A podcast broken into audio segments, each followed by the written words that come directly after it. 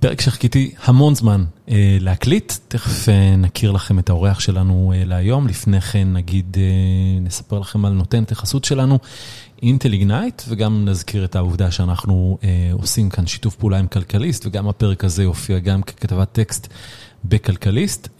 אינטל איגנייט פותחת אה, עוד מחזור, עד היום אה, יותר מ-18 חברות אה, מאינטל איגנייט השתתפו בפיילוטים עם אינטל, והחברות גייסו ביחד קרוב למיליארד דולר. יותר ממיליארד דולר לדעתי. אז אינטל איגנייט היא תוכנית האצה ייחודית ופורצת דרך עבור סטארט-אפים שנמצאים בשלבים מוקדמים, שהמטרה העיקרית שלה היא לעזור ליזמים מובילים להאיץ את הסטארט-אפ שלהם באמצעות תוכנית אישית שנתפרת עבור הצרכים שלהם. כל שבוע אה, יש סדנאות והכשרות בתחומים העיקריים במרכז העשייה הטכנולוגית והיזמית, כמו פיתוח מוצר, אסטרטגיה עסקית, שיווק ופיתוח עסקי. אה, הסטארט-אפים שמתקבלים לתוכנית אה, מלווים במנטורים שעוזרים להם גם בצד הטכני, גם בצד העסקי. אינטל לא מבקשת לא מניות בחברות שמשתתפות או כל תשלום אחר, אז אם אתם סטארט-אפ שגייס לאחרונה לפחות מיליון דולר ועוסק בטכנולוגיות עמוקות בתחומים כמו בינה מלאכותית, מערכות אוטונומיות, cyber security, מערכות מחשוב ועוד, פשוט תיכנסו לאתר ותגישו מועמדות, intelignite.com, intelignite.com.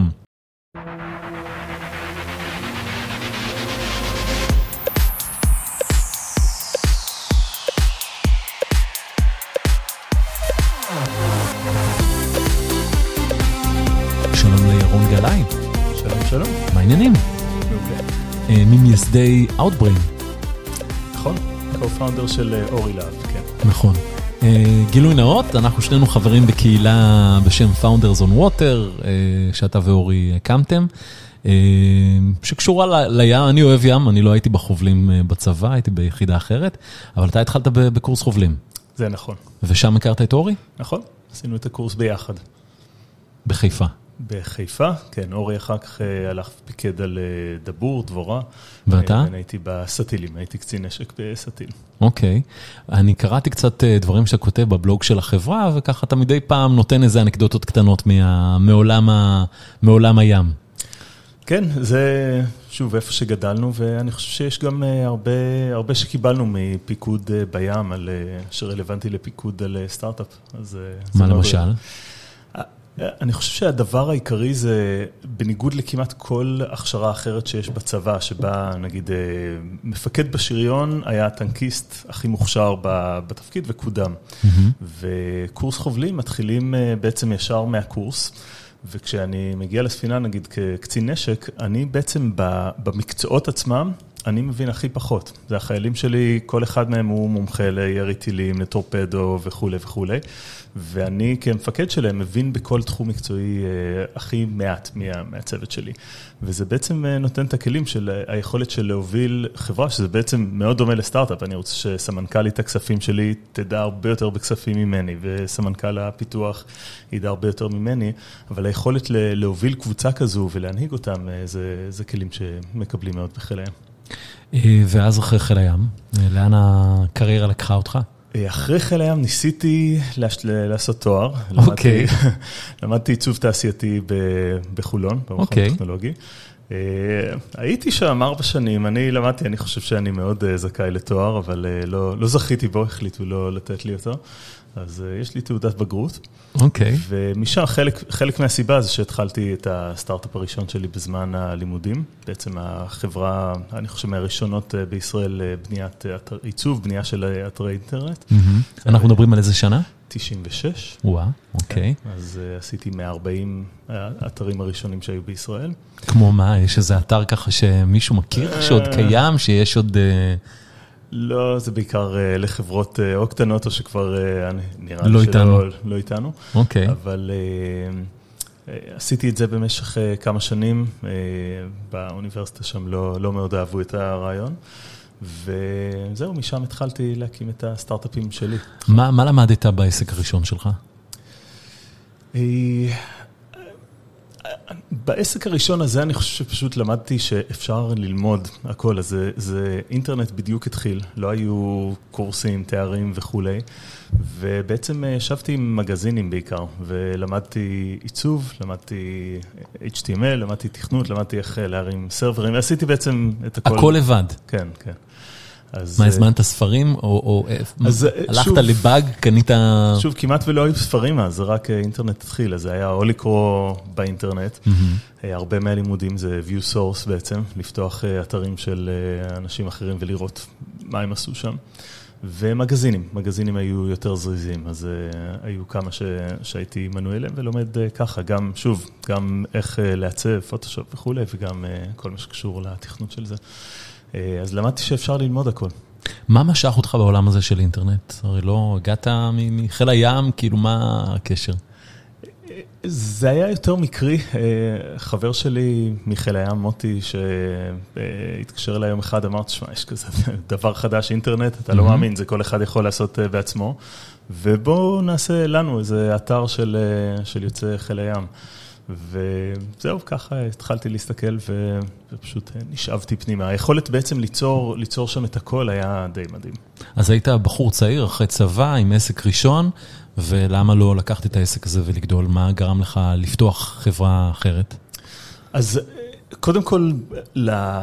ליכולת שלי די, הרגשתי שדי גדלתי, ניהלתי 40 אתרים, יצרתי אותם, עשיתי להם את כל ה hosting, את כל האימייל, זה, זה, זה היה די מערב פרוע וזה די באיזשהו שלב לבן אדם אחד, כשאני במקביל מנסה ללמוד ולהשלים תואר. Mm-hmm.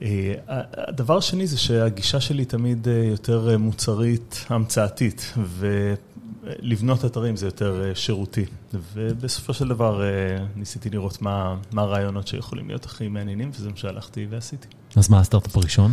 אז הסטארט-אפ... או השני, כאילו, תלוי איך סופרים. כן, הראשון הייתי קורא לו עסק, הסטארט-אפ הראשון שנהיה חברה בשם קוויגו, ההמצאה הראשונה בעצם די דומה למה שאנחנו עושים היום ב-Outbrain.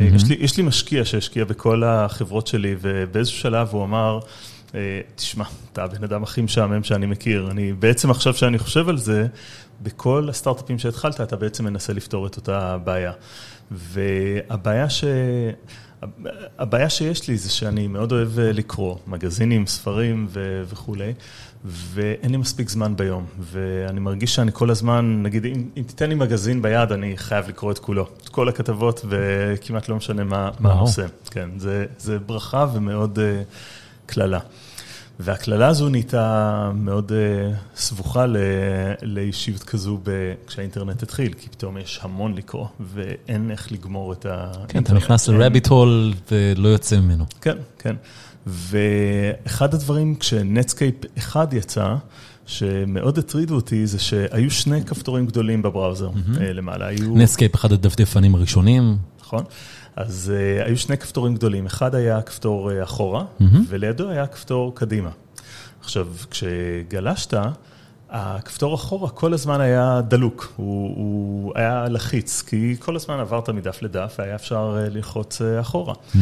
הקדימה היה כמעט כל הזמן היה כבוי, הוא היה בלתי לחיץ. אלא אם כן הלכת צעד אחד אחורה ויכולת לחזור קדימה. נכון, זה היה השימוש היחיד שלו, שזה כמעט אף פעם לא קרה. ואותי בחוויית המשתמש שלי מאוד הטרידה מה קדימה, מה לקרוא הלאה. אז הסטארט-אפ הראשון, בעצם מה שהתחלתי היה לנסות להבין את מה מעניין את המשתמש, ועל בסיס זה כל הזמן למלא את הכפתור קדימה, שהכפתור קדימה תמיד יהיה לחיץ, ואם לוחצים עליו, הוא בעצם ייקח אותך למקום שאתה לא יודע לאן הוא ייקח, אבל שאמור להיות על בסיס תחום העניין שלך. אחר כך חברתי לעוד, ל-co-founder שלי, שחיברנו שני רעיונות, ויצרנו חברה שנקראת קוויגו, שבעצם בסופו של דבר המצאנו את התחום של פרסום קונטקסטואלי. ואיך ידעתם מה עושים? אוקיי, הקמת כבר עסק, מכרת לכל מיני עסקים שכבר לא קיימים היום, איך ידעת? אנחנו מדברים על שנת, מה? עוד שנת 90 ו? או כבר 2000? כן, לא, 90 ו, אז הבראוזר הומצא ב-95 לדעתי. נכון.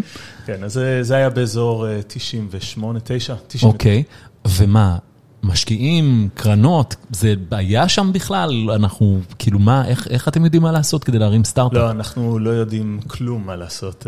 דרכנו ממש על כל מוקש אפשרי. לגיוס כסף בשנה הראשונה לא הצלחנו, ואז התפוצצה הבועה. בעצם את החברה ביחד רשמנו באפריל 2000, כשהבועה התפוצצה. איזה כיף.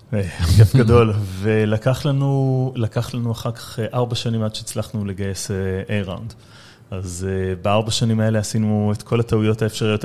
בהסתכלות בדיעבד היינו באמת השקעה, לא, לא ברת השקעה בלי קשר להתפוצצות הבועה, אני חושב שלא לא הבנו מה אנחנו עושים. למרות שהתוצאה הייתה בכלל לא רעה. התוצאה הייתה, הייתה מצוינת, אבל בטעויות צברנו פחות או יותר כל טעות אפשרית. מה הטעות ככה שאמרת כשעשית, כי אני גם בתור יזם עשיתי ים טעויות והיו נקודות בקריירה שלי שאמרתי, אוקיי, אביב, זו טעות שאתה חייב, אין מצב שאתה חוזר עליה. יש משהו שקרה לך לאורך הדרך ואמרת, אוקיי, למדתי מזה, זו טעות שאם אני חוזר עליה, אני צריך להחליף מקצוע? כן, הייתי אומר, שתי קטגוריות הכי גדולות של טעויות, זה... הראשון זה הנושא של פוקוס, לסטארט-אפ אין כמעט זכות קיום. באמת. זה כל חברה ש... שעוסקת בתחום שתרצה לעשות את מה שהסטארט-אפ עושה, תעשה את זה עם הרבה יותר משאבים והרבה יותר אנשים וכולי. והשריר האמיתי היחיד שסטארט-אפ יכול להביא לשולחן ולבנות יתרון תחרותי, זה בפוקוס אובססיבי על לעשות דבר אחד יותר טוב מכל אחד אחר בעולם. וזה אני חושב שמאוד טעינו בתחילת הדרך. הסתכלנו על הזדמנויות, על רעיונות, על דברים שחברות גדולות רצו לעשות איתנו, ואז אמרנו, אוקיי, אי-ביי רוצה לעשות איתנו שיתוף פעולה, בוא נרוץ ונעשה את זה. וזה מאוד מפתה, אבל כל אחד מהדברים האלה שמסית מפוקוס, אני חושב שהוא בדיעבד טעות גדולה, וזו טעות שהיא גם באיך מציגים למשקיעים. אני חושב שאחד הדברים שחשובים בלהציג למשקיעים זה להיות מאוד מפוקסים על זה הדבר האחד שאנחנו עושים, עושים אותו יותר טוב מכל אחד אחר בעולם, וזו הסיבה ש, שכדאי להשקיע בנו. הטעות השנייה זה כל מה שקשור לאנשים. היו לנו אנשים מצוינים בקוויגו, אבל אנחנו גם נטינו להביא, בעיקר נגיד בצד האמריקאי, סופרסטאר, רוקסטאר, נינג'ות, שיכלו לקלקל את התרבות, אבל היו טובים במכירות. כן. ולשמור אנשים שהם לא התאמה תרבותית לחברה, ועוד טעות של לשחרר לאט, של לקחת זמן בלפטר אנשים, זה, אני חושב, קבוצת הטעויות השתייה. יש כאלה שאומרים שאנשי מכירות אמריקאים הם מדהימים בלמכור את עצמם. אחרי זה, לך תדע אם הם יודעים למכור הלאה את המוצר שלך. אז זה, זה נכון ולא נכון. אני, היום, כשאני עובד עם כמה מאות אנשי מכירות אמריקאים ומ-18 מדינות אחרות, אני חושב שאנשי מכירות טובים הם ממש אומנים עם וו בתחומם. Mm-hmm. ואנחנו נוטים בתור מדינה שהיא מאוד הייטקיסטית, ארנדיסטית וכולי, להסתכל על מי שהם לא מתכנתים כ...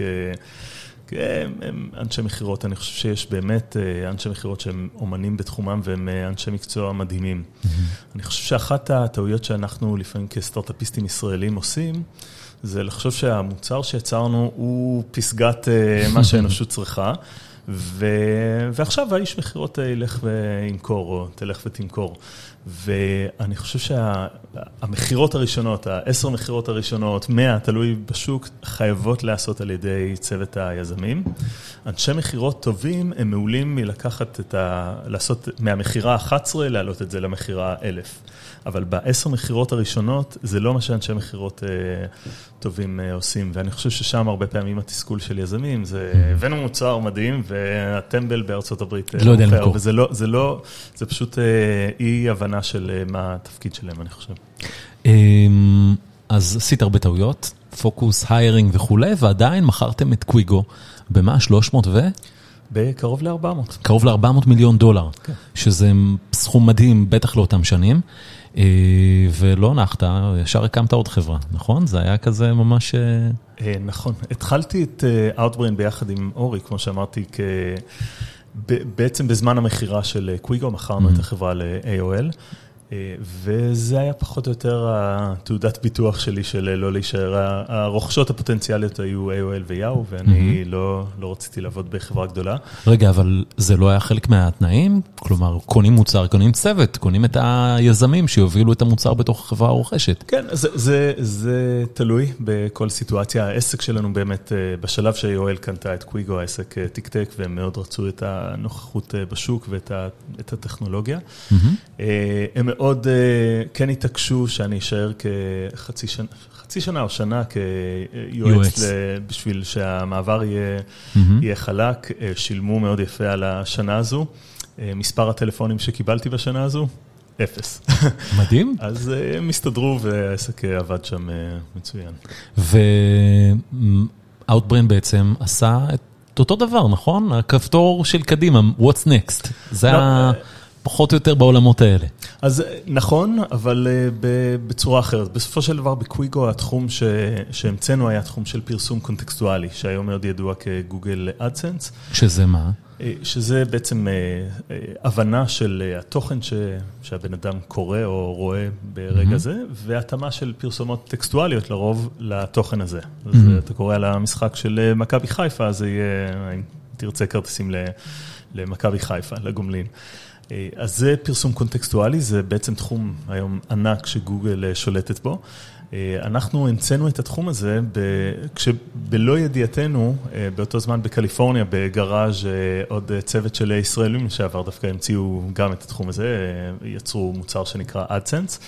הרבה אנשים חושבים שאדסנס נולד בגוגל, אבל בעצם זו רכישה, הם רכשו אותה. כן, כן, פרסום קונטקסטואלי זה הכל רכישה. אתה יודע בכמה החברה נרכשה? אז זהו, אז אנחנו, היום אנחנו מאוד מיודדים, זה שמם האחים אלבז, גיל ואיתן. אז אנחנו צוחקים אחד עם השני על העניין הזה שהם יצאו פריירים, כי הם מכרו בערך 100 מיליון, 120 מיליון לגוגל. וזה עסק של מה, מיליארדים על מיליארדים. לא, אז זהו, ואנחנו ב-400 מיליון מכרנו, אבל מסתבר שהם שמרו את המניות, וזה היה לפני הנפקה של גוגל, אז הייתי אומר שהם מכרו במיליארד, מיליארד וחצי, משהו כזה דה פקטו. אוקיי, יפה. אז הקמתם, אתה ואורי, שני חברים מקורס חובלים, את Outbrain בעצם. פלטפורמה שממליצה לך על תוכן, ושם יש משחק של marketing, נכון? אנשים רוצים שיקראו את התוכן שלהם מכל מיני סיבות, והם משלמים לכם כדי לקדם אותו, נכון? נכון. כן, אז זה בעצם שני הדברים שגירדו לי ולאורי כשהתחלנו את זה. אחד זה באמת... הצורך הזה בלהבין מה לקרוא הלאה, ובאינטרנט כשהכול לא מסודר ואי אפשר לדעת מה יהיה ניצול טוב של הזמן שלי ומה יהיה בזבוז של הזמן, זה היה מאוד מתסכל. אז הרעיון הראשון היה מנוע המלצות לתוכן שיעניינו אותי, תכנים שיעניינו אותי. והדבר השני היה בתחום הפרסום, שוב, בניתי חברה ומאוד אהבתי אותה, ואנשים מצוינים והכול, אבל האיכות של הפרסום מאוד, חשבתי שאפשר לעשות הרבה יותר טוב. ובאמת אחד הדברים שחזרתי אליו זה לימודי העיצוב, שכמו שאמרתי, למדתי ממגזינים בעיקר, ותמיד זכרתי, היה באחד המגזינים שאהבתי מאנגליה, Mac Format, היה הכתבה שתמיד הייתה הכי טובה בכל מגזין, פעם בחודש, הייתה כתבה של המהנדסים של החברה שנהייתה אדובי, שהם הבעלים של פוטושופ וכולי. והם עשו כתבה שהיא כתבה פרסומית, היא בעצם הכל, זה היה ספונסורד by Adobe, זה היה ברור שהם משלמים בשביל להיות שם, אבל זאת הייתה הכתבה הכי טובה במגזין, כי זה בעצם המהנדסים שבונים את המוצר, שיודעים דברים שאף אחד אחר, אף עיתונאי לא ידע לעולם, והם היו עושים באמת כתבות מעולות, וזה היה חלק מהרעיון של פרסום בתור המלצת תוכן, יכול להיות טוב כמו התוכן, וזה היה הרעיון ל-Outbrain. אז מכרת חברה, יצאת לדרך, מי האמין בך? אותם משקיעים מקוויגו? אז המשקיעים הפרטיים, שוב, לא היו לי קרנות ישראליות, או לא היו לי משקיעים מוסדיים ישראלים בקוויגו. היו את המשקיעים הפרטיים, הרבה מהם השקיעו בתחילת Outbrain, ואחר כך היינו צריכים לשכנע משקיעים, אבל בפעם שנייה אחרי שמוכרים חברה זה הרבה יותר קל. כן. ואיך התחלתם? כלומר, מי היו הלקוחות הראשונים? איך הגעתם לשוק? אז ידענו שאנחנו רוצים להגיע בסוף לעיתונים ולמו"לים הכי גדולים בעולם, אבל להגיע ל-CNN בשיחה הראשונה, אז לא יסמכו עליך, לא ישימו קוד שלך על הדף, ו... והם ענקיים וסטארט-אפ קטן הוא באמת בחיסרון גדול בשיחה כזו. אז מה שהחלטנו לעשות זה בעצם ללכת לבלוגרים. היופי בבלוגרים זה לא רק שהם מוציאים לאור שיש להם תוכן, אלא הם גם קוראים בלוגים אחרים. Mm-hmm. ובעצם לשנתיים הראשונות, מה שעשינו זה החלטנו שהמדד העיקרי שלנו, ה-KPI שהחברה אובססיבית לגביו, זה לקבל ביקורת חיובית מבלוגרים. שבלוגר יכתוב אצלו בבלוג, שמתי את המערכת המלצות הזו, והיא מדהימה וכדאי לכם גם. זה מה שעשינו בשנתיים הראשונות, ואמרנו לעיתונים נתחיל לפנות ברגע שאנחנו כרשת יותר גדולים מהעיתון עצמו. ואז התחלנו לעשות את זה, הגענו לדנבר פוסט, נדמה לי היה העיתון הראשון, ומהר מאוד הגענו גם ל-CNN עצמם, mm-hmm. ובאנו ואמרנו כבר, אנחנו, לא רק שהטכנולוגיה עובדת, היא עובדת בסקייל שהוא יותר גדול מהאתר שלכם, אמנם על הרבה אתרים קטנים, ואנחנו נוכל להפנות אליכם גם לא מעט משתמשים דרך המלצות, לא רק שתפנו החוצה. ובאיזה שלב ידעת, עלינו פה על משהו, המכונה עובדת, מתחילים להגיע לפאבלישרים הכי גדולים בעולם, תן שמות אולי של הפאבלישרס שאתם עובדים איתם. אז היום אנחנו על הרבה מהפאבלישרים המובילים בעולם. אגב, הבאנו שבוע שעבר לכנס לקוחות שלנו את כמה מהפאבלישרים הכי גדולים בעולם, וושינגטון פוסט ולמונד וסנקיי ביפן ומאוסטרליה הגיעו לא מעט עיתונים לפה. אנחנו עובדים, בישראל אנחנו עם רוב העיתונים המובילים, הארץ, דה מרקר, מעריב, ג'רוסלם פוסט. וכולי. ובעולם, כמו שכמה מהשמות שאמרתי, הייתי אומר שהדקה שבה אורי ואני הבנו שזה קורה, זה אורי מספר את זה הרבה, זה תמיד, בעיקר עם העיתונים, היינו צריכים להתחנן על מקום. היינו אומרים, בואו תתחילו את זה על דף אחד, או תשימו המלצות על אולי, על סקשן אחד. והמקום שבו אמרנו, אוקיי, זה קורה, זה ש-CNN הזמינו אותנו למפקדה שלהם באטלנטה, mm-hmm. ועשינו שם פגישה עם כל מיליון אנשים, והם רצו לשמוע רעיונות של מה בשנתיים שלוש הקרובות, מה, מה אפשר לעשות עם הטכנולוגיה שלנו. והבאנו מצגת שהיא, ככה הם הגדירו את זה, אז זו הייתה מצגת מאוד תיאורטית על שנתיים שלוש, ואחד מהם אמרנו, בעצם אתם יכולים להשתמש בטכנולוגיה בשביל לערוך את דף הבית. זה היה שקף 7.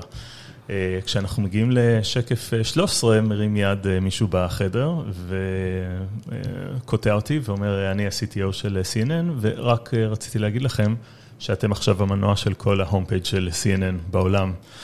ואלוהים, אני בפאניקה מתקשר לאורי בישראל ואומר, תשמע, שרתים וכולי. הכל בסדר, הכל עובד. את הכל הם הצליחו, אני לא יודע איזה masking tape ים השתמשו פה בארץ בשביל לתמוך בזה, אבל תמכנו ועד היום אנחנו המנוע המלצות, נגיד על CNN, על כל דף, כל פיקסל שיש להם באתרים, באפליקציות וכולי. זה לא סוד, לא הרבה זמן אחרי זה הגיעה גם תחרות, ותחרות ישראלית, חברה בשם טאבולה. ואת אדם הכרת, נכון? יש סיפור שממש ישבת איתו בשלבים הראשונים של החברה שלו. כן, אז בתחילת הדרך טבולה באמת היו בתחום אחר, יותר הבנה טקסטואלית של מה הטקסטים בתוך וידאו. וכמו שקורה עם הרבה יזמים, זה גם חלק ממה שהסיבה שהקמנו, אורי ואני את Founders on Water, זה בעצם לעזור ליזמים צעירים, ישראלים ויזמות. נחמדים, ובאמת אדם ביקש עזרה בתחילת הדרך, mentorship על איך לבנות את טאבולה, אז עזרתי. אדם סינגולדה, אדם סינגולדה, כן. וכן, עם הזמן זה עבר אבולוציה ונהיה מאוד דומה למה שאנחנו עושים ב-Outbrain, והיום, תשמע, זה די גאווה ש... שתי חברות שמאוד מובילות את התחום הזה בכל העולם, הן חברות ישראליות. איך הרגשת? כשגילית שהבחור הצעיר, יהיו שיגידו, ממש עשה קופיקט של המודל העסקי שלכם, של המוצר שלכם, והלך עם זה קדימה.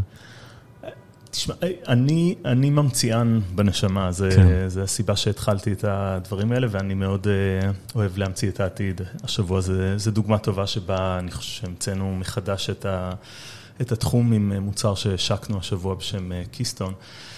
אבל בסופו של דבר רעיונות הם רעיונות וכולנו עומדים על כתפיים של ענקים, כן, אולי המצאתי את התחום הזה של מנועי המלצות לעיתונים ומו"לים, אבל לפנינו היו דברים ש... שהיו באינטרנט הצעיר יותר, שעליהם mm-hmm. אנחנו בונים. אז בסופו של דבר אני חושב שה... מה שחשוב, מה שחשוב לנו ב-Outbrain זה בעצם כל הזמן להמציא את העתיד, לא לנוח על, על מה שהמצאנו לפני כ-15 שנה, ולעשות execution טוב, להביא אנשים שבאמת יודעים... יודעים להיות הכי טובים בתחומם, וכשאני שומע מעיתונים כמו וושינגטון פוסט ו-CNN וניו יורק פוסט וכולי, מה חשוב להם בשיתוף פעולה עם Outbrain ודברים שהם באמת ייחודיים לנו, גם חדשנות מוצרית, אבל גם השקיפות והאינטגריטי שיש להם בעבודה מולנו, שהיא סופר חשובה בתחום הזה, זה דברים שהם די ייחודיים לתרבות שלנו ואנחנו ממשיכים לרוץ קדימה. זה לא, זה לא נגמר שם, נכון? לפני שנתיים, פחות או יותר, הייתם אמורים להתאחד. כלומר, שנים דיברו על זה ששתי החברות האלה מובילות את התחום ועושות קניבליזציה כנראה אחת לשנייה. למה שהן לא התאחדו? ובאמת, זה פתאום היה אמור לקרות, ואז זה התפוצץ. מה היה שם? איך לא איחדתם את טאבולה ואוטברן? אז איחודים הם הרבה יותר מסובכים ליצירה ממה שנראה מבחוץ. מבחוץ, כולם זה הנרי קיסינג'רים, והציעו לי הרבה קמפ דיווידים ביחד. הסיבה העיקרית לעשות את האיחוד הייתה שבצד השני של העסקים של שנינו, אנחנו בעצם מתחרים על ה... על על הכספים של פרסום, על הלקוחות שמפרסמים או אצלנו, או בגוגל, או בפייסבוק. ובגוגל ופייסבוק יש להם scale מאוד גדול, יש להם הרבה משאבי פיתוח, ואנחנו חשבנו שבאיחוד כוחות נוכל להתחרות במשאבי פיתוח האלה יותר טוב מול גוגל ופייסבוק. הסיבות שזה לא לא קרה, הסיבה העיקרית הייתה בסופו של דבר של הרשויות להגבלים עסקיים. היינו ב... חקירות של של, של לאשר או לא לאשר mm-hmm. את העסקה, גם בישראל, בארצות הברית ובאנגליה. בארצות הברית, שחשבנו שזה יאושר תוך כמה שבועות, זה לקח שנה, ורק אחרי שנה הם אישרו את זה.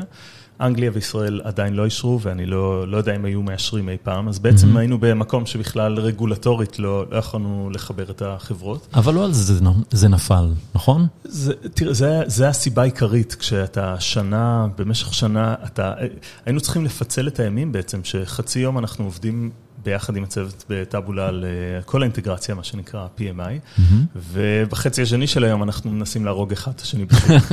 אתה חייב להתחרות, כאילו אין מיזוג, חוקית. ואז בתהליך הזה אני חושב שמתגלים גם הרבה מההבדלים התרבותיים, ארגוניים, איך רוצים להוביל את החברה המשותפת וכולי. אז כשהגענו לשנה ועדיין יש, אנגליה וישראל עדיין לא אישרו רגולטורית, ואנחנו מתחילים לראות את ההבדלים הגדולים בתרבות והנהגה, החלטנו לצאת מהעסקה. ובאיזה שלב החלטתם לצאת להנפקה?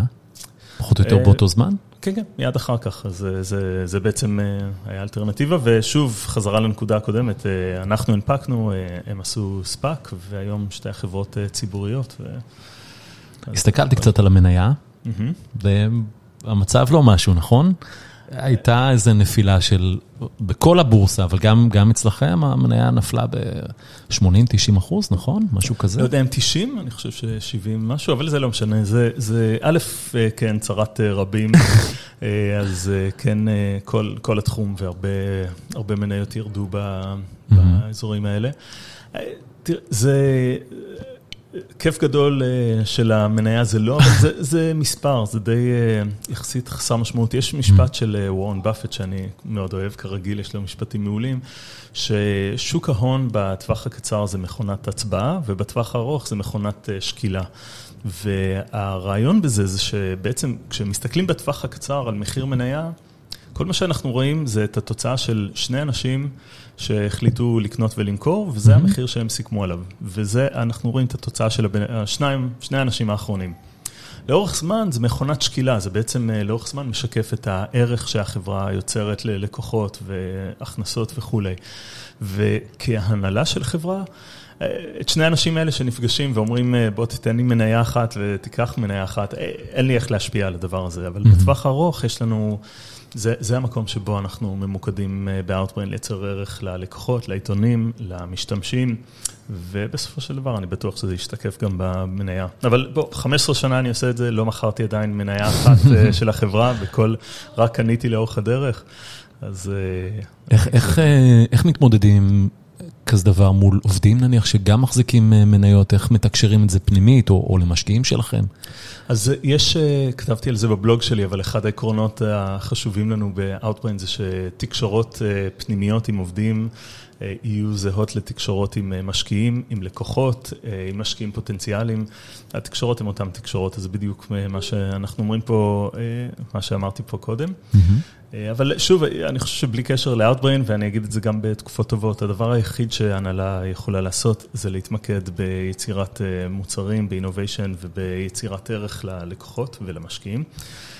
מחיר מניה הוא משהו שהוא באמת מחוץ לשליטת כל חברה בעולם. אז בואו נדבר על הדברים שכן בשליטתך, הזכרת מוצר חדש שאתם עובדים עליו, מה, מה קדימה, מה צופן העתיד ל-Outbrain? כן, אז זה שבוע טוב לשאול, כי השקנו בדיוק את הטכנולוגיה העתידית שלנו שנקראת Keystone, אנחנו עובדים עליה כבר כשנתיים, mm-hmm. והיא בעצם ממנפת טכנולוגיות שבנינו מעל עשור.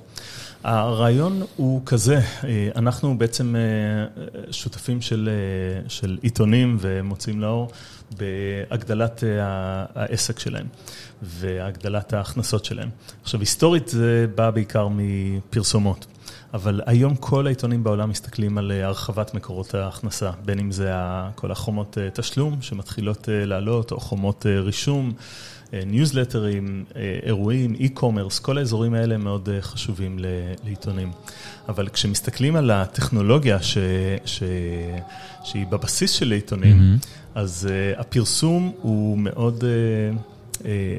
הוא עם אופטימיזציה מדהימה, יש תעשייה שלמה שעושה אופטימיזציה לכל פיקסל בפרסום, אבל כל שאר העסקים שלהם הם מנהלים כמו ב-1950. בעצם הם מחליטים, זו תהיה קובייה שהיא מקדמת מנויים, וזהו, וכולם יראו את זה. Mm-hmm. מה שקיסטון עושה, בעצם לוקחת את כלל, ה, כלל העסקים של העיתונים, ודרך טכנולוגיה ואלגוריתמים מגדילה את כל, ה, את כל העסק. יש עוד מקומות שאתם מסתכלים עליהם? פוזלים אליהם באוטברן? יש, כן, אנחנו כל הזמן במתח הזה בין גידול ולהסתכל על דברים קיימים לבין להישאר מפוקסים, כמו שאמרתי קודם, אבל אנחנו בגודל, עשינו מעל מיליארד דולר הכנסות שנה שעברה, אז אנחנו בגודל שכן יכול להרשות לעצמו להסתכל בעוד כיוונים. תחום למשל שמאוד מעניין זה איך העתיד של וידאו בעיתונות יהיה. לצורך זה רכשנו חברה בשוויץ בתחילת השנה, שבעצם משלבת גם תכנים חדשותיים וגם את הפרסום בשביל עיתונים, אז חברה בשם Video Intelligence, רכשנו אותה, אז אזורים שאנחנו בהחלט מסתכלים עליהם. אתה כבר 16 שנה חי בניו יורק, נכון? 19. 19 שנה חי בניו יורק. עברנו לשנתיים. ומה, הבנתי שאתה עכשיו מתכנן להיות פה קצת יותר.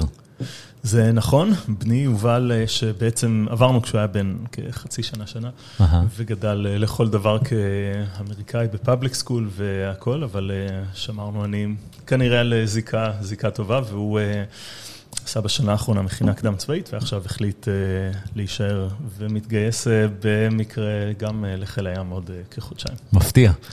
החליט לעשות עלייה כחייל בודד. אז מה זה אומר? אתם מתכננים אולי לחזור? יש תראה, מבחינה דמוקרטית יש עוד שתי בנות שהן איתנו בניו יורק, אז שם עדיין כובד המשקל, אבל נמשיך להיות על הקו. כי בעולם של כובד, למיקום של המנכ"ל יש פחות משמעות ממה שהיה לפני 19 שנים, אני מניח. זה נכון ולא נכון, זה... אחד היתרונות שלנו ב-Outbrain זה שהשני העובדים הראשונים, אורי ואני, היינו על זום, מה זה היה? זום, זום בזמנו, זה סקייפ, כן, סקייפ. ואז היינו בנויים לעבודה מרחוק מהיום הראשון, וכל נושא ה... מבחינה פנימית אני מסכים איתך לגמרי. בעסקים שבהם חשוב לפגוש את הלקוחות, כמו העסקים שלנו, המיקום הוא עדיין חשוב. עכשיו, אתה יודע, אפשר, אפשר לטוס, אפשר להיות בישראל ולטוס הרבה לארצות הברית או לאירופה, אבל להיות ביחד עם אנשים כשעושים ביזנס זה מאוד חשוב עדיין.